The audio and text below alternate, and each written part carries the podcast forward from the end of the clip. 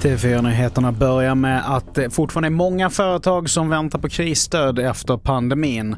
Handläggning för permitteringsstöd drar ut på tiden och det finns risk att många, framförallt mindre företag, kommer tvingas ge upp.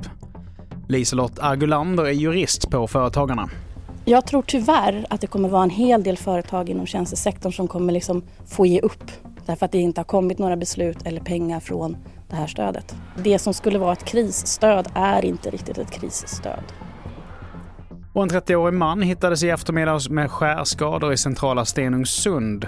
Enligt uppgift kan han även ha blivit av med sin bil, det skriver Aftonbladet. I nuläget så rubricerar polisen det hela som mordförsök och än så länge så är ingen gripen. Och idag så höjdes priset på drivmedel igen med uppemot 25 öre då världsmarknadspriset på råolja stuckit iväg. Det rapporterar TT.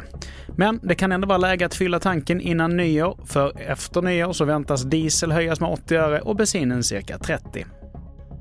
Och vi fortsätter med att på grund av det ansträngda läget inom vården så vädjar nu Region Stockholm om att man avstår eller minskar mängden alkohol på nyårsafton. Ja, vi har en väldigt ansträngd situation just nu med väldigt många som är sjuka i covid, som är sjuka i influensa, som är sjuka på andra sätt, som halkar ute i halkan. Så att varje människa som inte behöver komma till akuten är en stor hjälp.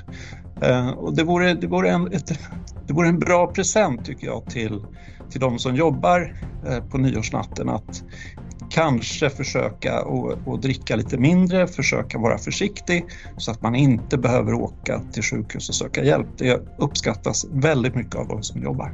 Och det här sa alltså chefsläkare Patrik Söderberg.